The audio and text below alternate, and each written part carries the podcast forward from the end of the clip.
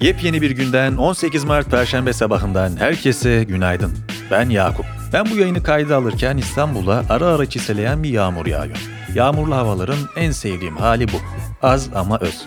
Bir yandan da Mart'ın ortasını da geçtik. Bakalım o güzel bahar havalarını ne zaman göreceğiz? Şu anda dinlediğiniz bültenin destekçisi Vayland. Podcast dünyasının öne çıkan isimleri arasında yer alan Nilay Örnek ve Immanuel Tostoyevski, Türkiye'de önde gelen kurumsal podcastlerinden biri haline gelen podcast'i Vayland'la kafa rahatlatan sohbetlerin 3. sezonuna konuk oluyor.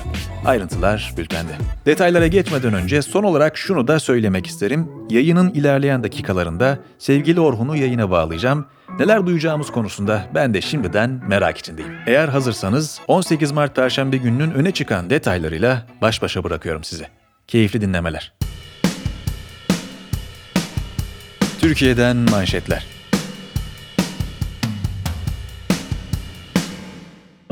Sabancı Holding, 2021-2025 yılları için işin geleceğine uyum konusunda Boston Consulting Group Türkiye İşbirliği ile hazırladığı 1500 maddelik stratejik eylem planını kamuoyuyla paylaştı. Bu plandaki 7 ana başlıktan biri olan uzaktan çalışma konusunda Sabancı topluluğu, kurguladığı iki ayrı modelle beyaz ve gri yaka çalışanlarının dörtte üçü için uzaktan çalışmayı farklı seviyelerde kalıcı hale getireceğini açıkladı. Bununla birlikte Sabancı, Stratejik eylem planı kapsamında önümüzdeki iki yılda çalışanlarına yönelik 200 milyon liranın üzerinde yatırım yapmayı hedeflediğini duyurdu.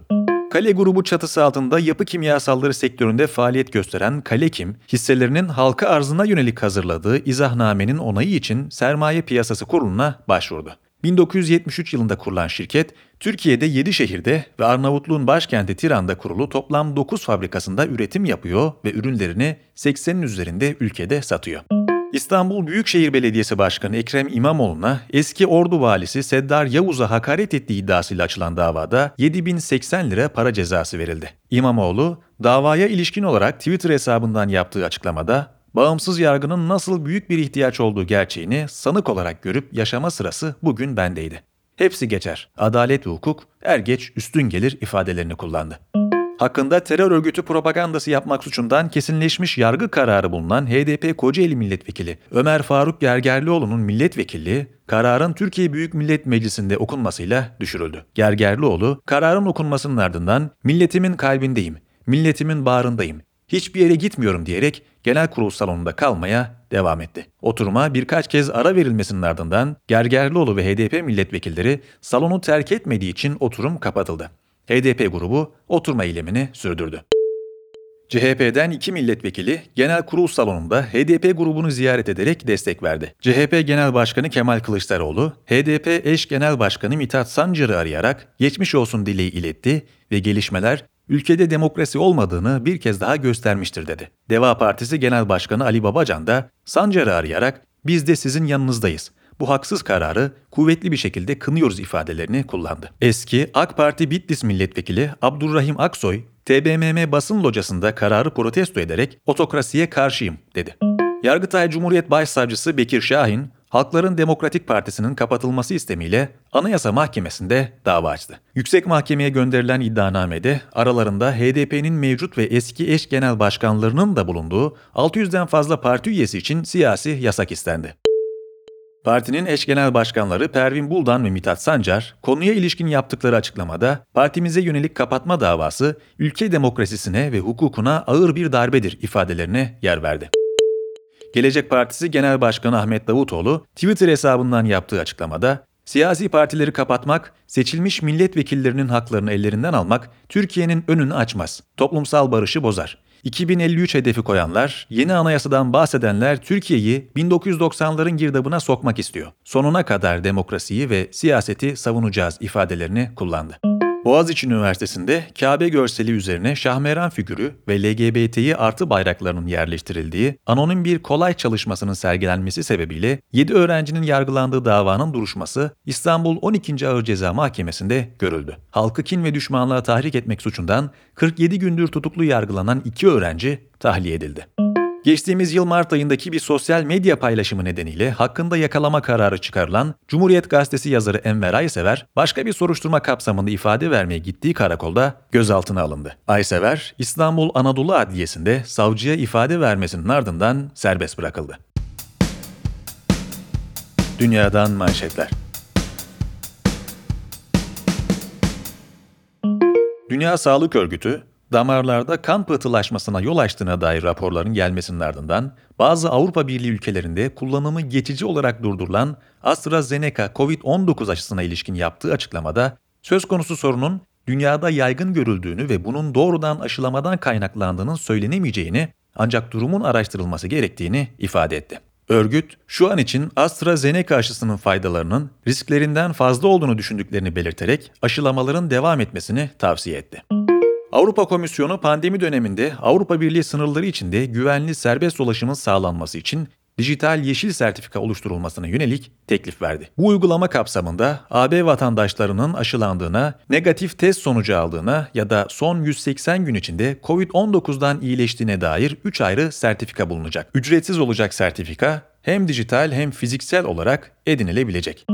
ABC News kanalına bir röportaj veren ABD Başkanı Joe Biden, Rusya Devlet Başkanı Vladimir Putin'in 2020 ABD seçimlerine Donald Trump lehine müdahale etmeye çalışmasının bedelini ödeyeceğini söyledi. Putin'in nasıl sonuçlarla karşılaşacağına yönelik bir soruya yakında göreceksiniz cevabını veren Biden, Putin'in katil olup olmadığına dair ne düşündüğüyle ilgili bir soruyu ise öyle olduğunu düşündüğünü söyleyerek yanıtladı.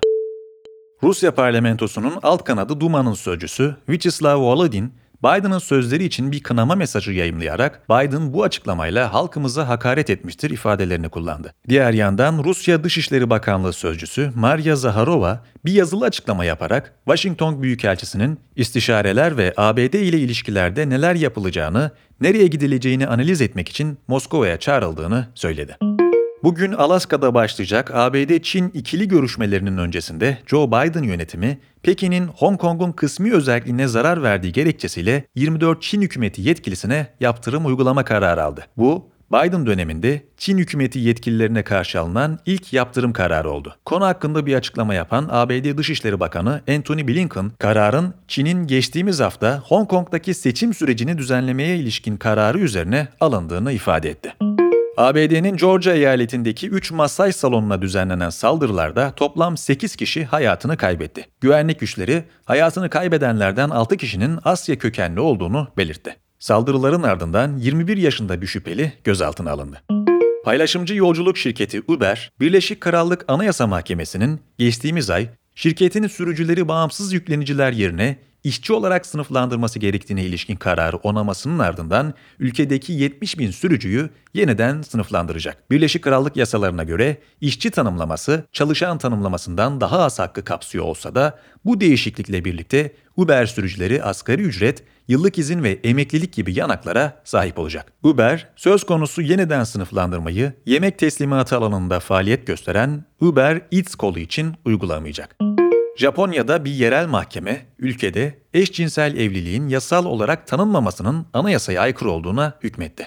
Mahkeme, davacıların kişi başına 1 milyon yenlik yaklaşık 9 bin dolarlık tazminat talebini reddetti. LGBTİ artı aktivistleri için sembolik bir zafer olarak görülen karar, Yediler grubu diğer ismiyle G7 ülkeleri içinde eşcinsel evliliklere izin vermeyen tek ülke konumunda bulunan Japonya'da eşcinsel evliliklerin yasallaşacağını garanti etmiyor.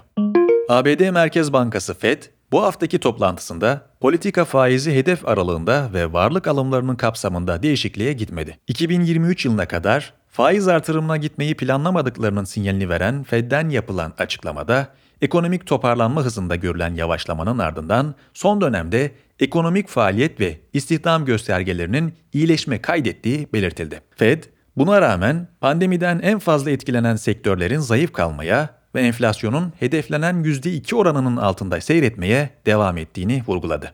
Spec Research verilerine göre ABD'de yılbaşından bu yana gerçekleştirilen özel amaçlı satın alma şirketi halka arzlarından elde edilen gelir bu hafta itibarıyla geçtiğimiz yılın 83,4 milyar dolarlık toplamını geçti. Ülkede bu yıl şimdiye kadar gerçekleştirilen geleneksel halka arzlardaysa sadece 29,5 milyar dolar gelir elde edildi. Açık çek şirketleri olarak bilinen SPEC'ler herhangi bir ticari faaliyet göstermiyor ve sadece halka arzlarından elde ettikleri sermaye ile başka bir şirketi satın almak amacıyla kuruluyor. Yayının başında da söylemiştim. Orhun'u yayına konuk edeceğim. Birazdan kendisini arayacağım. Bakalım bize neler söyleyecek. İyi Orhun selamlar. Selam. Nasılsın? İyiyim. Sen nasılsın? Nasıl gidiyor? İyi valla. Bülteni kayda alıyordum. Ee, bir yerde kesip böyle direkt e, seni konuk etmek istedim. Umarım uygun bir zamanda aramışımdır. Çok uygun bir zamanda ben de toplantıdan yeni çıkmıştım. İyi yaptın. Süper. Herkese selamlar. Süper. Şimdi e, Orhun merak ettiğim ve bence dinleyenlerin de merak ettiği bir şey var. Covid pandemisiyle geçirdiğimiz e, bir yılı tamamladık bu ay içerisinde. E, hepimiz için, herkes için oldukça zor bir süreçti. Peki bu süreç Aposto için nasıl geçti? Biraz bahsetmeni rica edeyim senden. Öncelikle Galata'da tekrardan restoranların, esnafların, tüm dükkanların açılması bizi de mutlu etti mahalleye yepyeni bir enerji geldi diyebiliriz. Biz de öğlenleri ara sıra yemeğe çıkmaya başladık. Çok ilk defa daha kalabalık görüyoruz bir mahalleyi ama etraftaki hem esnafların hem dükkanların ekonomik sürdürülebilir açısından mutluyuz. Son 1-2 ay e tabii biz ofise dönem dönem hibrit geliyorduk. Hiçbir zaman ofisten tam kopmadık. Hı hı. Ee, o yüzden e, aslında e, bu dönemde yani ofis açısından çok zorlandık e, diyemem ama e, tabii ki de psikolojik olarak e, sürekli her şeyin kapalı olması, işte etrafla herhangi bir etkileşim kuramamak e, belli açılardan yoruyordu. O yüzden herkese bir rahatlama geldi diyebilirim. Her ne kadar pandemi döneminde çok odaklı işte çalışıyoruz, işte yapacak hiçbir şey olmadığı için daha fazla çalışıyoruz gibi gözükse de aslında insan etrafından çok besleniyor. Kesinlikle. Yok böyle bir, bir yere gidip öğlen bir konuşma yapmak ya da işte e, biraz nefes almak bile yaratıcılığı çok tetikliyor. O yüzden sorunun cevabı iyi geçti geçtiğimiz dönem. Ama e, birlikte olmak, insanlarla olmak, e, İstanbul'la şehirle birlikte olmak daha güzel. Kesinlikle. Peki e, aslında hemen her bültende varsa bir gelişme Aposto'ya dair, ekibe dair bunu paylaşıyoruz. Ama bir de senden duyayım. Aposto okurları için önümüzdeki süreçte e, ne gibi yenilikler var? Neler bekliyor? Nasıl gelişmelere gebe önümüzdeki süreç? Aposto geçen hafta itibariyle içerisinde yüzden fazla yayını besleyen bir platforma dönüştü. Yüzden fazla yayından kastımız yüzde yüz farklı yayıncının e-posta bülteni ya da podcast ya da mobil ve web uygulamalarımız üzerinden hı hı. kendi yazılı içeriklerini paylaştığı bir platform. Ee, o yüzden bu alandaki çok gerçekten özel, gerçekten niş içeriklerin sayısını umarım çok da arttıracağız önümüzdeki birkaç ayda ve de Nisan sonu Mayıs başı gibi çok daha hem mobil uygulamamız hem web uygulamamız üzerinden çok daha farklı bir takım içerik deneyimleri, kişiselleşmiş e, arayüzler, kişiselleşmiş listeler, kendi içerisinde kendi içimizde bir daha iyi değerlenmiş içerik ekosistemi olma yolunda devam Hı-hı. ediyoruz. O yüzden fazla farklı iş içerikler, yayıncılar ve bunların bir araya geldiği iyi bir belki abonelik modeli yakın zamanda bizi bekliyor diyebilirim. Aynı zamanda Aposto İngiltere ve Amerika'da e, bir takım faaliyetlerine başlayacak. Önümüzdeki Süper. birkaç ay içinde. Bunun için çok çok heyecanlıyız. Şahane valla bu haberler haberlerin bir kısmına e, her ne kadar vakıf olsam da yeniden duymak beni de heyecanlandırıyor valla. Gelecek hem Aposto için hem Aposto okurları için güzel şeylere gebe öyleyse. Evet öyle. Senin nasıl podcastlar nasıl gidiyor? Valla iyi işte buradan dinleyenleri görmeden e, kaydedip e, bülteni e, yayınlayıp duruyoruz. Keşke e, böyle etkileşimli bir alan oluşturabilsek radyovari. Aslında e, içerik evet. olarak her ne kadar bunu e, kurgulamaya çalışsak da o radyonun o eski tadını almak e, pek kolay olmuyor. Bir de buna Covid e, belası da eklenince e, neredeyse hiç mümkün olmuyor. Ama e, keyifli bir süreç. Geçen hafta introda da söyledim e, bu süreci bir ölçüde bir nebze olsun daha keyifli ve katlanılabilir kılan şeylerden biri oldu 6.30 yayınları benim için. Her ne kadar kişilerle doğrudan e, ve karşılıklı bir iletişim kuramasak da e, günün sonunda bu kaydı, bu yayını dinleyen e, yüzlerce, binlerce insanın olduğunu bilmek insanın içine biraz su serpiyor ve e, o kalabalık e, olma hissini güçlendiriyor bende. Şahane, çok çok güzel.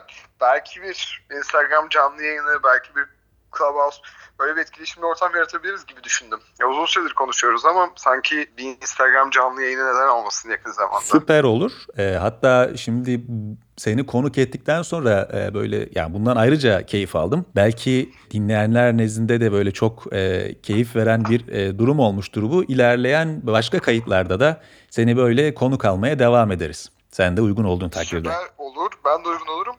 E, belki okur, dinleyenlerimiz ya da okurlarımız da konuk alabiliriz. Müthiş. Çok iyi olur bence. Hatta şey yaparız yani şu an e, Orhun'dan haberler bir sonrakinde dinleyenlerden haberler şeklinde Türkiye Dünya Manşeti gibi Şahane olur. bir başlık koyabiliriz Evet, oraya da. Bence olabilir. Tek sıkıntı bir gece geç saatte olabilir ama belki gündüz küçük aramalar yapılıp gece onlar kullanılabilir. Aha. o yüzden bence madem etkileşimi başka yerlerden kuramıyoruz, kendi mecramızdan kurup Hı hı. buradan da bir belki açık çağrı olabilir. Bakalım onu bence planlayabiliriz. Çok da güzel olur. Çok da ciddi talep ve rağbet görür gibi geliyor bana. Zaten hayli sadık ve kemik bir e, dinleyici kadromuz var. İyi ki de varlar. Onları da böyle konuk etmek e, çok da güzel geliyor kulağa. Süper, güzel. Çok e, teşekkürler aradığın için. Ben teşekkür ederim. Konuk oldun. Sesini duymak güzel. Bunu sık sık yapalım lütfen. Tamamdır, anlaştık. Ben buradayım. Tamamdır. Hoşça kal. Kendine iyi bak. Görüşmek üzere. Görüşürüz. Bay bay.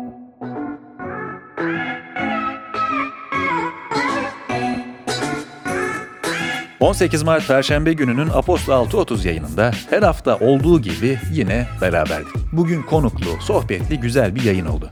Ben Yakup. Haftanın dilediğiniz gibi ama en önemlisi de sağlıklı geçmesini diliyorum. Haftaya yeniden buluşuncaya dek esen kalın.